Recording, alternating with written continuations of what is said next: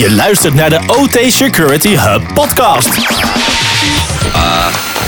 We have had some technical problems. Joep en Christian nemen je mee in de wereld van OT. Wat is OT Security? Wat moet je ermee? En ontdek waarom je niet meer zonder kan. Alle tips en tricks om jouw proces optimaal veilig te krijgen en te houden. Vandaag behandelen Joep en Christian het belang van OT cyberbeveiliging in kritieke infrastructuren en industriële systemen. Welcome to the OT Security Hub podcast. Let's go, boys. Welkom bij de tweede aflevering van de OT Security Hub podcast. Ik ben Joep van Heumen en samen met mijn collega Christian Glazer behandelen we vandaag het onderwerp het belang van de OT cyberbeveiliging in kritieke infrastructuren en industriële systemen. In deze aflevering gaan we wat dieper in op de OT cyberbeveiliging. Vorige aflevering was vrij globaal en hoog over en we gaan nu iets meer de diepte in. Misschien moeten we beginnen met de definitie IT en OT. Daar hebben we het de vorige keer eigenlijk niet echt over gehad. We beginnen gelijk over operational technology. Ja. Wat doet IT en wat doet OT? ja, daar kan ik zeker wel iets over zeggen. Want, want jij, jij Eh, komt ook uit, nou, uit de IT-kant, ja, zeg maar. ja, zeker. Ja. Nee, ik heb heel veel IT meegemaakt natuurlijk. IT voor mij, het zegt iets over informatie en technologie. Ja. En voor mij betekent dat, hoe krijg je je data bijvoorbeeld van punt A naar B? Is dat dezelfde data? Gaat dat veilig? Zit er niet iemand tussen? Dan hebben we het gauw over de BIV, beschikbaarheid, integriteit en veiligheid. En ik denk dat dat in IT heel belangrijk is. Ja. En als we dan naar OT kijken, dan hebben we andere zaken waar we rekening mee moeten houden. Misschien kan je daar meer over uitleggen. Want jij Ja, kijk, je zei het net al heel mooi, hè, met waar IT mee bezig is, is eigenlijk tegenovergestelde van OT. Want onze main goal in OT is natuurlijk altijd dat er product uit de fabriek moet. Hè, de melkfabriek wil dat er pakken melk uitrollen, en want daar verdienen ze hun geld mee. En ja, dat moet ook veilig gebeuren. Alleen laten we niet die main goal vergeten, en dat is dat die pakken melk de fabriek uit moeten. Dan zitten we meer aan de continuïteit. Ja, precies. Dus eh, Ja, dus constant doorgaan, geen onderbreking. Geen onderbreking. Nou, een heel mooi voorbeeld wat ik heel vaak aanhaal. Hè, als je aan de IT-kant een switch reboot, dan zitten er misschien even 25 man zonder een Azure-connectie of zonder internet. Of, ja, dat is heel vervelend. Gaan ze even koffie halen. Even met- elkaar een rondje lopen en dan daarna doet dat ding het weer en dan Ja. gaan we weer door. Alleen als we dat aan de productiekant doen, hè, dus in de OT-wereld, ja, dan kan het maar zo zijn dat we een, eh, een, een badge van een miljoen euro naar het afvoerputje kunnen spoelen. Omdat ja, er even geen Ja. traceability op is geweest of omdat er een paar processtappen zijn overgeslagen. Ah, dat is wel iets duurder, ja. Ja, dus dat, weet je, de, de- kijk je naar de omgeving met een IT-bril of met een OT-bril. Ja, het zijn echt, eh, ja, er zijn heel veel raakvlakken. Er zijn ook heel veel dingen die binnen IT heel normaal zijn, die binnen OT niet kunnen. Ja, nee, absoluut. Dus dat is altijd waar we mee moeten dealen. Hè, Sommige OT-omgevingen die hebben maar een week of twee weken per jaar stilstand. Ja, dan kan je dan je switches updaten of Ja. Wat maakt het verschil dat in IT hebben we ook beschikbaarheid? Dat is heel belangrijk. En bij OT is het continuïteit. Waarom doet OT daar zo moeilijk over? Nou, kijk, aan de IT-kant, hè, de, eh, aan de IT-kant is gewoon heel veel internetfacing. Je ziet dat er heel veel systemen zijn die of in een VLAN hangen met internet, of die iets met internet doen, of eh, die updates ophalen op internet. Of, ja. En eh, d- dat, willen we, dat zien we natuurlijk aan de OT-kant niet, hè, omdat we aan de OT-kant heel veel met legacy-systemen werken. En in principe zeggen, tenminste wij zeggen dat altijd, wij verbinden geen OT-netwerken aan internet. Ja. En zorgen die legacy systemen dat we niet, eh, net zoals bij IT, systemen redundant kunnen uitvoeren? Nou, wat wat is een het- voorbeeld van een OT-systeem dat niet redundant kan uitgevoerd? Dat is altijd de keuze van de klant. Als je kijkt, hè, we hadden het vorige aflevering ook over PC7 van Siemens. Die kan gewoon redundant uitgevoerd worden. Zelfs al op de legacy systemen die ze hebben. Ja. Alleen daar zijn natuurlijk ook weer kosten mee gemoeid. Hè, want er zit een bepaalde licentiestructuur achter. eh, dus het is ook de keuze van de klant die die daarin maakt. Van hey, gaan we dat redundant draaien, ja of nee? Hè? Dat is altijd de vraag die je ook moet stellen als je een nieuw design opstelt. Van hey, hoeveel availability heb ik nodig? Hè? Hoeveel uur per jaar kan ik down zijn? Kan ik zo'n server Hè, kijk, ik zou als ik nu iets ontwerp voor een klant, er niet voor kiezen om een systeem enkel neer te zetten als daar een halve productieplant op draait. Want dat betekent dus dat je je server ook niet kan voorzien van de laatste patches. Is het in de OT-wereld dan zo dat die systemen daar niet voor gemaakt zijn? Kunnen alle OT-systemen dubbel worden uitgevoerd? Nee, vooral op het hardwarevlak, zeg maar, zie je dat daar nog wel is, eh, dat, dat, dat het daar moeilijk wordt. Ja. Dat noemen we H-configuraties in PLC-land. Die zijn gewoon heel kostbaar En dan moet je wel zo'n hoge mate van redundancy willen, wil je dat dubbel uitvoeren. Ja. En ja, je kan niet ook zomaar je productielijn.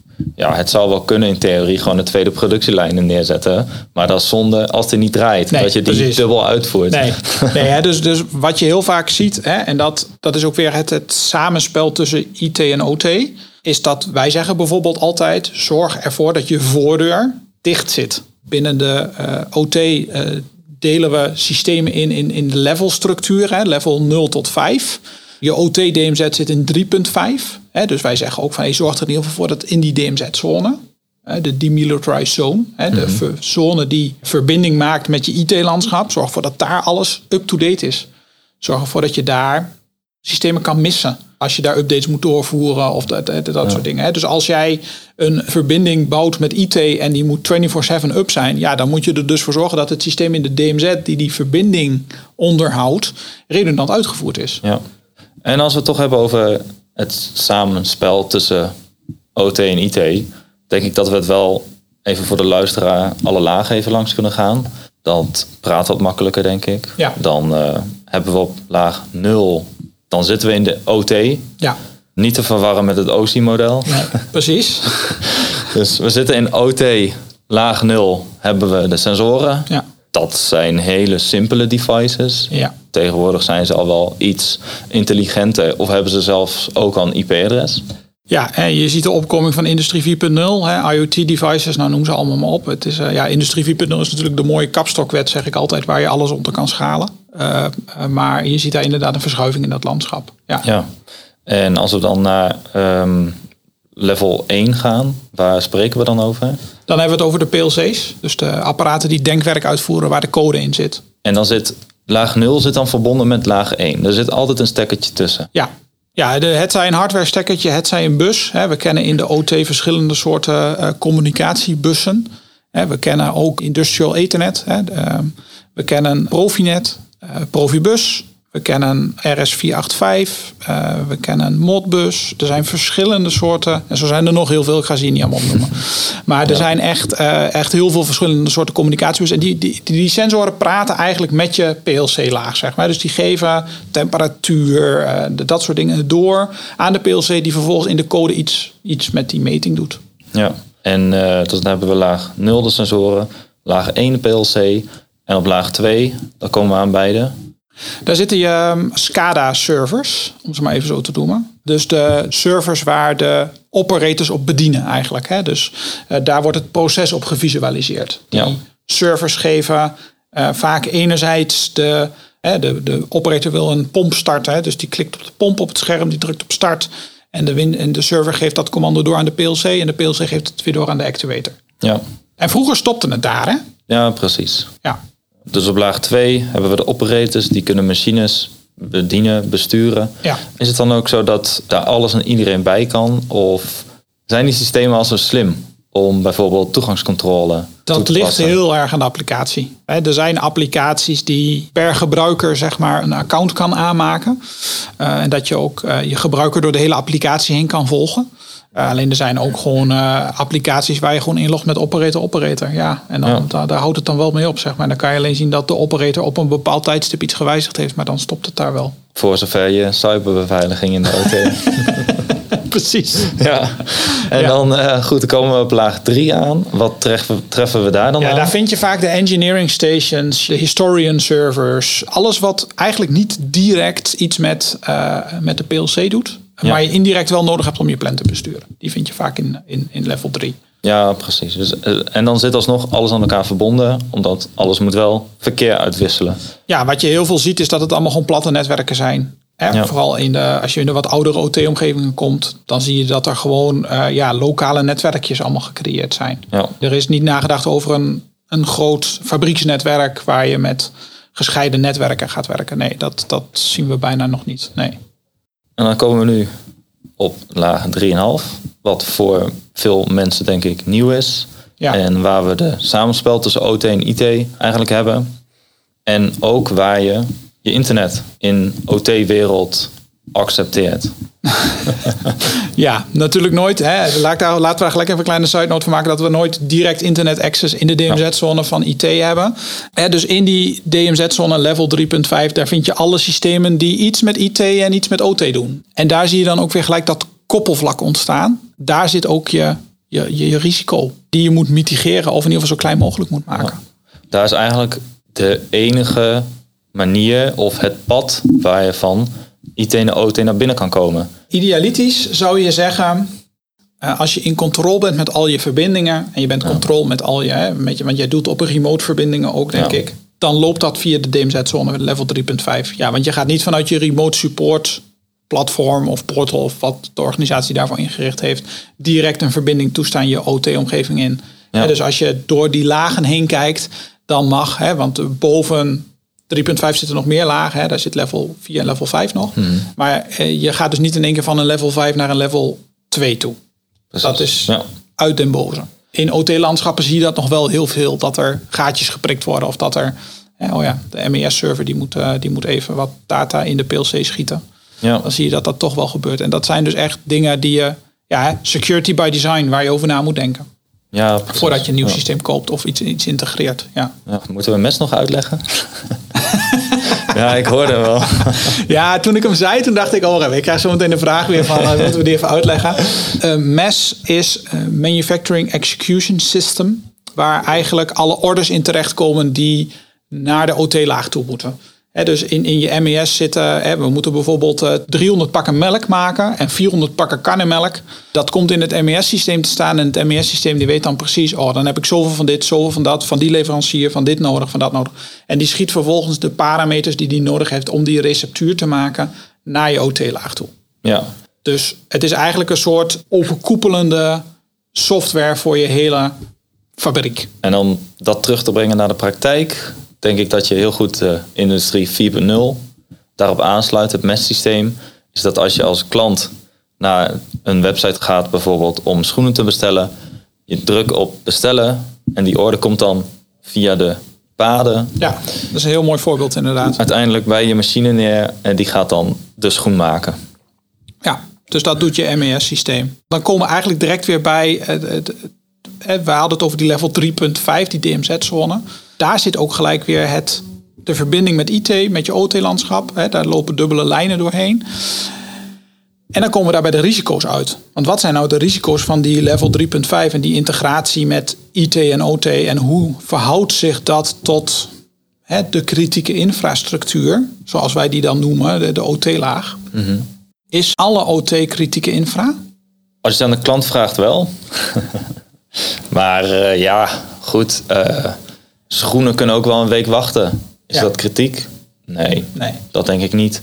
Maar als we dan denken aan energiecentrales of eh waterzuivering installaties, ja, dan denk ik wel. Daar eh, wil je niet een week zonder zitten. Ja. Dus we hebben daarin de NIS 2-richtlijn.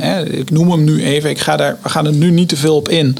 Eh, maar iedereen is eh, daar heel druk mee met die NIS 2-richtlijn. Waarbij eh, de overheid eigenlijk bepaalde kaders aan gaat geven van hey, waar moet die OT-omgeving aan voldoen. En dan vooral voor de kritieke infrastructuren. En je wordt daar als bedrijf op aangeschreven door de overheid op het moment dat jij je moet gaan voldoen aan de NIS 2. Eh, wij hebben ook een aantal klanten die daarop op aangeschreven zijn. En waar we nu mee in het traject zitten voor de NIS 2. Alleen eh, dan moet je dus echt kritieke infrastructuur hebben. Dus de productiebedrijf op de hoek hier heeft wel een OT-omgeving. Voor die eigenaar is het zijn kritieke infrastructuur. Alleen de overheid merkt het niet aan als kritieke infra. Dus daar zitten wel even eh, de side notes.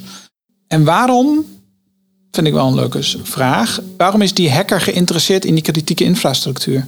Ik denk dat we dan op een hoger niveau moeten gaan zitten. Dan is het het belang van de burger, zeg maar.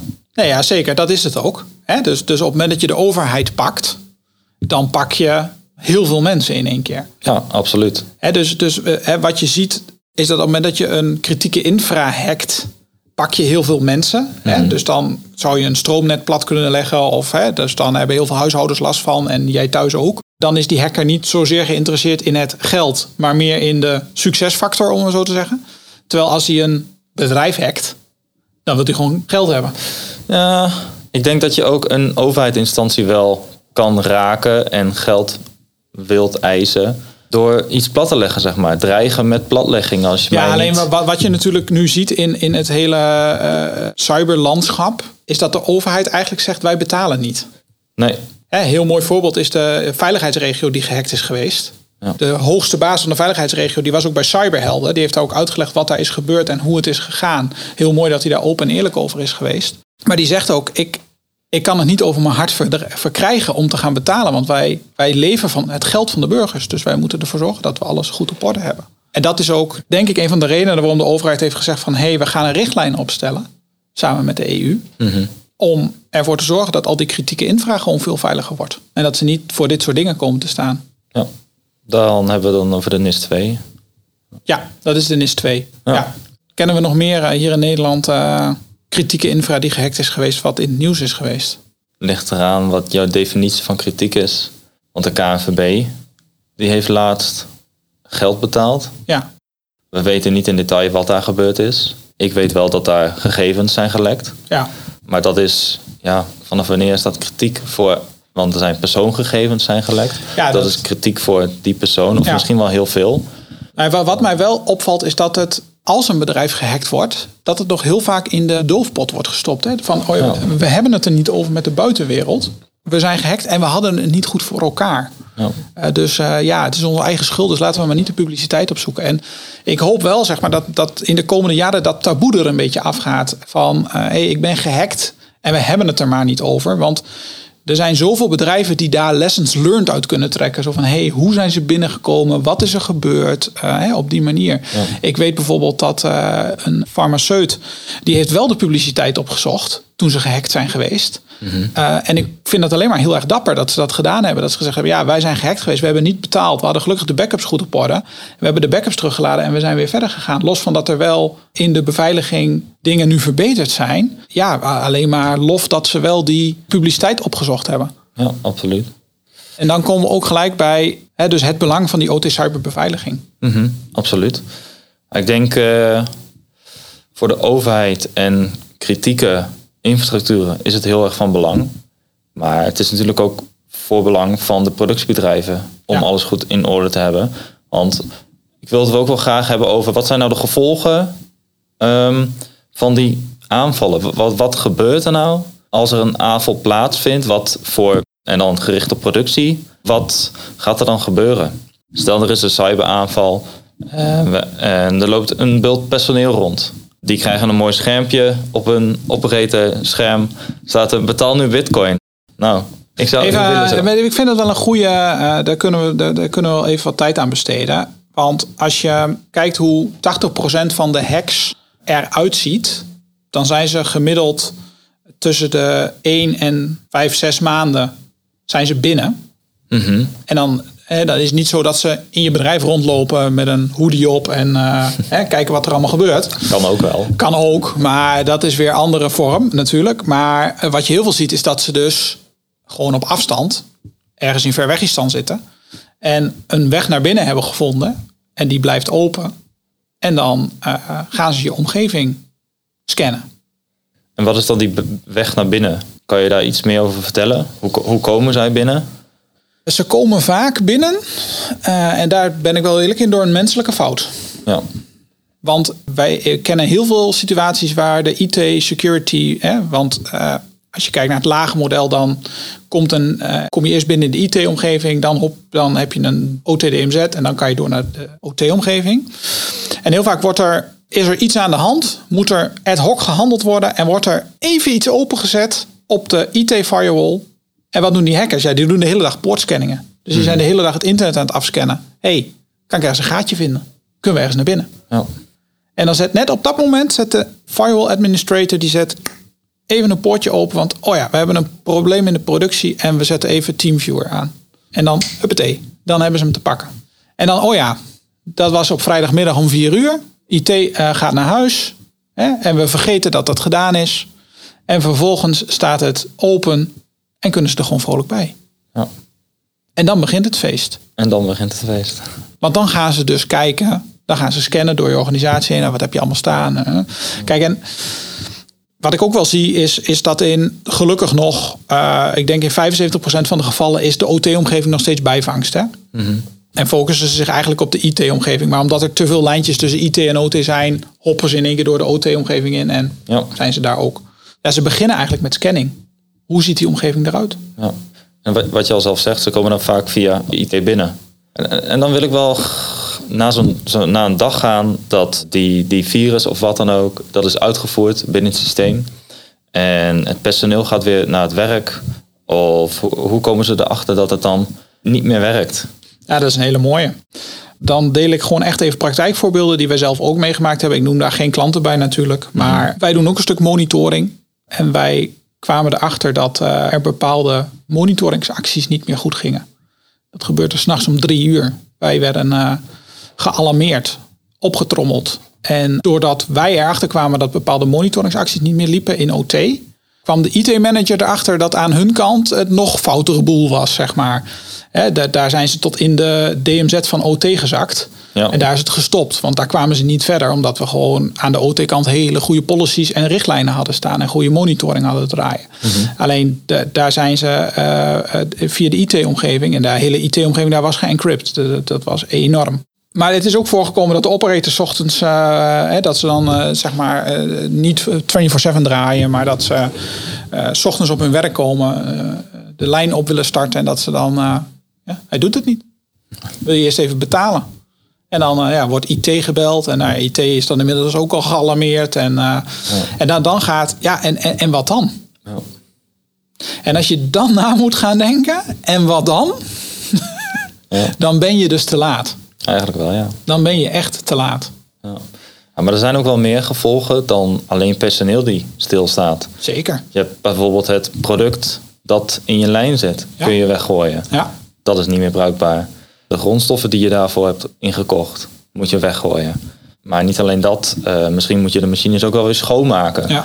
Dus het, heeft, het gaat niet alleen maar tot aan betaal en ga maar weer verder. Nee. Daar zitten veel meer gevolgen Ja. achter. Niet alleen de financiële schade, maar ook je imago-schade krijg je op een gegeven moment. Kijk, je kan niet alles aan, aan je productieverlies ophangen natuurlijk. Hè, want als je dat voor je hele productiefacility doet, dan moet je alles doen. Alleen het is wel heel belangrijk om die awareness te creëren. Hè, bij productiepersoneel, bij eh, OT-mensen, bij het MT en bij de directie. Hey, wat houdt het in als we gehackt worden? En wat gaat er dan gebeuren als wij gehackt worden? Gaan wij dan pas nadenken? Of gaan we nu al nadenken? Wij maken voor de klanten die aangesloten zijn bij ons, maken wij standaard een Cyber Incident Response Plan. Dat is een document, een draaiboek. Van hé, hey, wat gaan we doen op het moment dat je gehackt wordt? En in IT zien we wel vaker dat er awareness wordt gecreëerd voor de medewerkers. En worden dan de OT-medewerkers daar meegenomen of worden die eigenlijk ja, niet meegenomen? Die, die staan achter een machine, die krijgen Ja. niet te maken met mailtjes of wat dan ook. Nee, Dus, nou, die, die, eh, die vind ik wel een hele goeie dat je die zijstap even maakt. Want eh, dat klopt inderdaad. Hè, je ziet, eh, nee, dan wordt er door het bedrijf een security awareness training ingekocht. En eh, nou, dat wordt eh, door zes man eh, goed ingevuld, om maar even zo te zeggen. En maar eh, Klaasje aan de machinelijn, die vergeten ze even. Maar misschien is Klaas aan de machinelijn nog wel belangrijker als eh, de medewerker op de IT service desk. Om hem goed te instrueren in hey, wat houdt cybersecurity nou in? En waar kan je mee te maken krijgen? En dan kan je wel denken van ja, maar Klaas die gebruikt geen computer en die zit niet aan internet en weet ik wat. Nee, maar wij kennen ook verhalen dat er USB-sticks bij de poort gevonden worden. En Klaas neemt die USB-stick mee naar de OT-omgeving en denkt, ah hier, daar staat een computer, even kijken wat erop staat. En dan ga je. Nu zeg je wel dat Klaas geen gebruik maakt van de IT-systemen. Maar Klaas heeft ook e-mail. Klaas moet toch wel op kantoor iets gaan doen. Die moet ook documenten of wat dan ook gaan invullen. En dus ja, ook je operators die aan de lijn staan, die zijn net zo belangrijk. Zeker. En vaak zien we dat die gewoon vergeten worden. Ja, maar je security awareness, hè, dus het, het ja, ik praat heel veel in Engelse termen, merk ik al wel. Sorry. Het eh, bedacht worden op, hey, wat is cybersecurity? Hoe passen we dat toe in IT? Hoe passen we dat toe in OT? Dat gaat door je hele organisatie heen. Ja. Vanaf de schoolmaakster tot aan de CEO. Iedereen moet daar zijn steentje in bijdragen. Ik snap wel, of ik denk dat ik wel snap waar het fout gaat. En dat komt omdat die OT-wereld had daar nooit mee te maken. Daar was geen security awareness.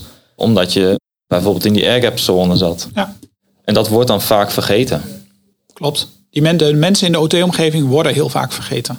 Ja. En dat is, eh, dat is ook net als zeiden van nou, ik, eh, maak, maak al je personeel duidelijk van hey, hoe gaan we om met OT security, IT security. Wat zijn de do's en de don'ts? Want anders kan het alsnog misgaan. Dan kan je al je tooling op orde hebben. Dan kan je voor tienduizenden euro's per maand afrekenen naar hele mooie softwarepakketten. Maar ik denk dat we wel kunnen zeggen dat in 9 van de 10 gevallen bij een hack is het de mens die de eerste fout maakt. ja, dat denk ik ook wel, ja. Ja. En ik eh, denk dat het ook gaat blijven. Ik denk dat straks zijn alle systemen goed beveiligd. Zijn we super beschermd tegen cyberaanvallen. Alles zit dicht. Eh, alle tools, alles wordt in de gaten gehouden. Maar toch eh, heeft Klaas of Henk zijn wachtwoord op een notepad geschreven. Die Ja. hij kwijtraakt. Ehm, dan zou ik nu wel door willen gaan naar het beschermen van je omgeving. Hoe, hoe, hoe pak je dat aan? We hebben wel ehm, tooling, hebben we, we hebben awareness. Wat kunnen we binnen OT-omgevingen doen? Of nog meer doen, dat we, zodat we niet worden aangevallen? Ja, we kunnen heel veel doen. Ja. En dat is natuurlijk. En dat is ook altijd een beetje eh, het- het- de, de, de weegschaal die je af moet wegen. Van hey, gaan we alles doen? Gaan we een beetje doen? Gaan we niks doen? En niks doen valt eigenlijk af voor mij, want dat moet je helemaal niet doen. Je moet altijd iets doen. Eh, alleen net wat ik al zei, je kan voor 10.000 euro's per maand aan de licentiekosten afrekenen. Maar op het moment dat het niet goed is ingericht of het werkt niet goed, ja, dan heb je er gewoon helemaal niks aan. Kijk, wat gewoon heel belangrijk is, is dat je eh, ook weet, en daar hebben eh, vorige keer ook al over gehad, dat je weet wat er staat. Dat je systemen ingedeeld zijn in de, in de levels. En dat je ook weet welk systeem praat met wie. Ehm, eh, hoe zien mijn netwerken eruit? Ehm, en dan kom je gelijk weer op eh, een stukje connectivity. Want die hacker die gaat heel goed op connectivity. Want alles wat met elkaar geconnect is, daar kan die natuurlijk bij komen. Zorg ervoor dat je, hè, wij zeggen altijd segmentation to the max. Weer zo'n mooie Engelse term. Maar zorg ervoor dat alles zoveel mogelijk gescheiden is. Hè, eh, deel alles in in verschillende netwerken. Eh, maak je netwerken niet te groot. Zorg voor een goede OT-firewall.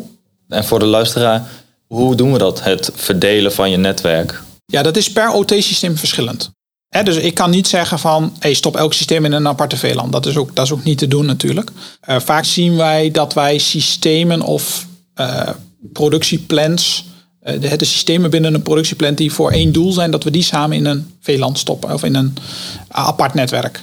Wat is een VLAN? Ja, dat wou ik net even. Virtual Local Area Network staat het voor. Dat zorgt er eigenlijk voor dat als jij een switch hebt die gemanaged is, dus waar jij intelligentie in kan stoppen, om het maar zo te zeggen, dat je daar op de verschillende poorten verschillende netwerken kan toekennen. Dus ik kan tegen poortje 1 zeggen, hey, jij zit in VLAN 1, en tegen poortje 2, jij zit in VLAN 2, en dan kan poortje 1 niet met poortje 2 babbelen. Als je dus een platte switch hebt, zoals we dat noemen, een unmanaged switch, dan zijn het alle poorten in hetzelfde netwerk. Dus dan kan het systeem wat ik in poortje 1 stop, kan ook met poortje 2 babbelen en met poortje 10 en met poortje 12. Dus dat houdt in als een, een hacker binnenkomt en je hebt zo'n unmanaged netwerk, dat je dan als hacker overal bij kan. Bij elk productielijn, bij elk operatorscherm. Of, dus eh, Daar kan die overal bij. ja. Dus dan is het voor hem een vingerknip en dan ben je weg. ja. Ja, Zien we dat nog vaak bij klanten. ja. te vaak. Ik zie het nog te vaak. En ik denk ook dat, eh, stel dat we luisteraars krijgen, dat die dan ook wel denken van, ja, ja, dat is ook nog bij ons. Het, het- Ja. Weet je, wij zitten zelfs bij klanten waar ze al heel goed bezig zijn met netwerksegmentatie. En hè, waar ze alle, eh, net alle systemen naar een, eh, een, een virtueel eh, een VLAN heen brengen. En we, er komen nog steeds systemen uit de hoge hoed dat we door een plant heen lopen en dat we zeggen, hé, hey, wat is dit nou weer dan? Ja. En dan staat er nog ergens in de hoek een oude computer met een scherm erbij. En oh ja, oh ja, ja die doet iets met de interlocks van de deuren. Ja, maar, maar dat systeem doet het wel. Ja, ja, ja, dat is heel mooi dat hij het wel doet. En dan zit er stiekem ook nog wel een 4G-dongeltje aan. Ja, ja en dan kijken we eh, even. Oh ja, ja, we hadden ook een SLA met die klant. Ja, die moest er op afstand bij. Oh. Ja. En dat is dus, en dat is ook wel een mooie. Hè? Want je kan dus aan de voorkant je voordeur heel goed dichtspijkeren en zeggen van hé, er mag niemand binnen. Maar als er dus iemand met zo'n leuke 4G-modem binnenkomt lopen en die prikt hem even in je netwerk, dan, ben je de, heb je de achterdeur dus alsnog openstaan. Ja. Dus dat is dan ook altijd even ja, leuke voorbeelden om, om aan te halen van hey. En dat is weer die security awareness hè, bij je OT-mensen. Dus er komt iemand met zo'n ding binnen en dan moet die OT-man eigenlijk gelijk zeggen van ja, hallo, dat gaan we op die manier niet doen, vriend. Ja. Als je remote toegang moet hebben, dat kan, maar dan gaat dat uh, via onze eigen uh, connectiebroker en niet via een verbinding die wij niet in controle hebben. Ja, de, dus als jij die netwerksegmentatie hebt en, en je bent daarmee bezig, je denkt ook na over je OT firewalling en hoe je dat dan gaat doen. Dan kan je ook eens na gaan denken over hey, welke security pakketten wil ik daar dan tegen aanleggen. En er zijn natuurlijk heel veel pakketten die allemaal iets met OT doen. Ik weet niet of we daar. Ik denk niet dat we daar nu te veel tijd aan gaan besteden. Ik denk dat we dat in een, op een later moment gaan doen. En gezien de tijd gaan we dat gewoon lekker de volgende podcast doen. Want dan kunnen we het daar wat, uh, wat langer over hebben. Ja. Um, moeten we nog wel even benoemen wat je dan qua scanning en monitoring kan doen? Of gaan we dat ook de volgende keer bespreken? Ik denk dat we nu wel inderdaad network scanning, uh, monitoring, toegangscontrole. Ja, dat zijn wel een beetje hoog over de dingen die we dan uh, de volgende podcast uh, gaan bespreken. Nou, helemaal goed. Dan gaan we dat dus de volgende podcast bespreken. We zijn aan het eind, we gaan afronden. Wat hebben we vandaag allemaal besproken? Nou, de risico's in de, voor de kritieke infrastructuur en de OT-netwerken. Het belang van de OT-cyberbeveiliging. Waarom moeten we het doen? Uh, en we hebben wat cyberstrategieën en best practices. En wat valt daar allemaal onder en hoe ziet dat eruit? Bedankt voor het luisteren naar de OT Security Hub podcast. Heb je suggesties voor onderwerpen of uh, leuke ideeën die Christian en ik uh, moeten bespreken? Mail ze dan vooral naar podcast.otsecurityhub.com of stuur ons een berichtje op LinkedIn. Ook altijd goed. Als je dan toch daar bent, vergeet dan niet de poll in te vullen op onze LinkedIn pagina van OT Security Hub. En abonneer je vooral, want dan krijg je ook uh, de laatste meldingen binnen. Uh, en als we weer een nieuwe podcast online hebben, word je daar ook op geattendeerd. Heb je nou zoiets van, hey, hoe moet dat nou OT security en uh, waar moeten we starten als organisatie? Dan kan je ons ook vragen voor een OT adviesgesprek. Benader ons daarvoor op LinkedIn of ga naar de website van OT Security Hub en vraag een OT Security Scan aan. En dan zien we je heel graag weer bij de volgende aflevering van de OT Security Hub podcast. Dankjewel. Dit was de OT Security Hub podcast. Bedankt voor het luisteren en graag tot de volgende keer. Wil jij een OT Security scan voor jouw bedrijf? Ga naar www.otsecurityhub.com/podcast en meld je aan. The OT Security Hub. Make it secure. Keep it secure.